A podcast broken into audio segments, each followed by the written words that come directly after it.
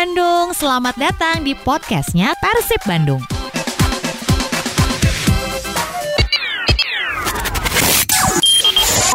Balat Bandung pelatih Persib Robert Albert ini mengungkapkan tiga pemain yaitu Ima Dewi Rawan, Supardi Nasir, dan Fabiano memiliki peran sangat vital bagi timnya. Sebagaimana diketahui ketiganya merupakan pemain paling senior yang dimiliki Persib saat ini.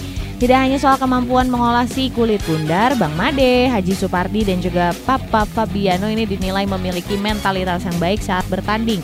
Hal tersebut tak terlepas dari pengalaman panjang yang telah mereka lalui. Mereka sangat vital ada di tim ini. Mereka memiliki segudang pengalaman yang saya sukai dari ketiganya adalah mereka mampu menjadi contoh yang baik bagi pemain lainnya. Demikian Persib Update yang dilansir dari persib.co.id. Balat Bandung Persib U18 masih akan melakukan evaluasi terhadap performa para pemainnya. Evaluasi tidak hanya dilakukan melalui program latihan, tapi juga uji tanding agar memberikan gambaran jelas tentang perkembangan pemain. Ke depan masih akan ada evaluasi untuk pemain tentunya atas izin manajemen ini sudah masuk ke dalam program yang sudah dirancang bersama dengan tim pelatih. Demikian Persib Update yang dilansir dari persib.co.id. Balat Bandung skuad Persib masih akan menjalankan program latihan mandiri hingga awal 2021. Berbeda dengan bulan sebelumnya, kali ini latihan mandiri dipantau oleh jajaran pelatih. Selain itu, para pemain pun berlatih dengan menggunakan alat deteksi jantung. Pelatih Persib Robert Albert ini mengatakan tim pelatih akan memeriksa hasil detak jantung tersebut sebagai bahan penilaian kondisi setiap pemain. Jadi pemain akan mendapatkan informasi setiap 10 hari. Kami mera kami akan memeriksa detak jantung mereka. Semua harus berlatih menggunakan monitor denyut jantung dan gambarnya harus dikirim. Demikian Persib Update yang dilansir dari persib.co.id.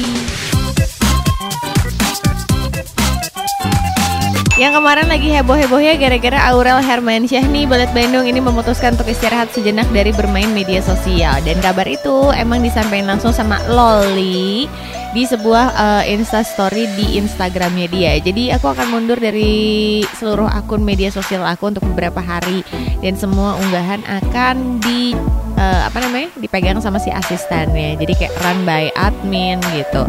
Nah mm, dan akhirnya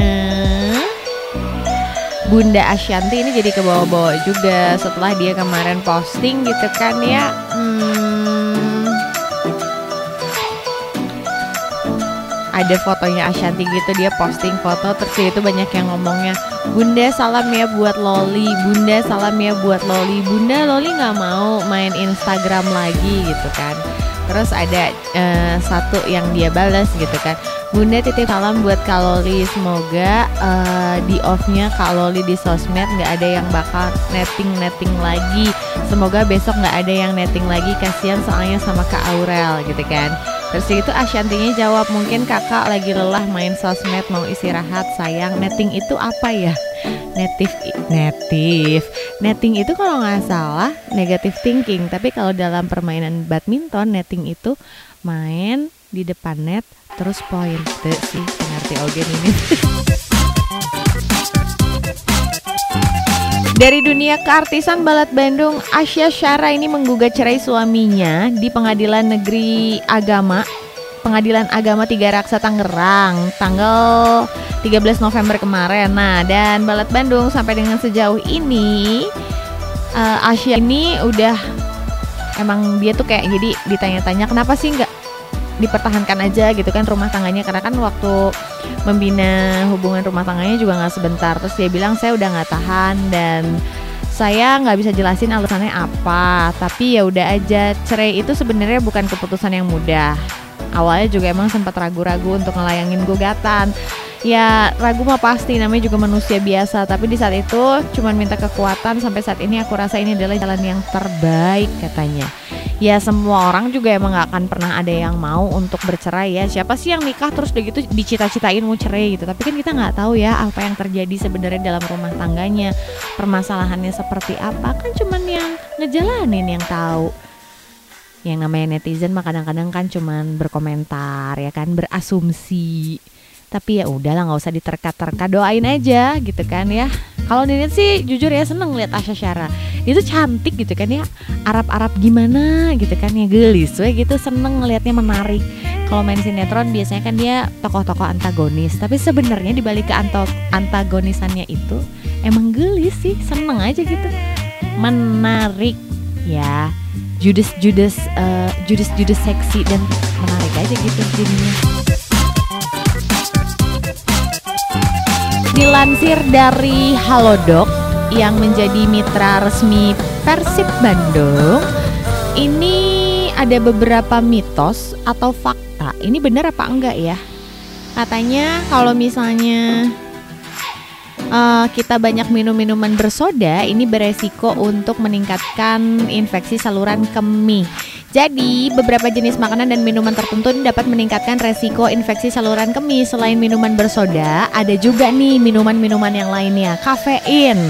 Kafein adalah stimulan ringan yang terdapat pada teh, kopi, dan coklat dan beberapa makanan nabati. Nah, kafein ini kerap ditambahkan kepada obat pereda nyeri, suplemen energi, dan juga pil diet yang dijual bebas. Membatasi atau menghindari konsumsi kafein serta meningkatkan asupan air dapat mengurangi atau mencegah infeksi saluran kemih balat Bandung. Terus yang kedua adalah alkohol.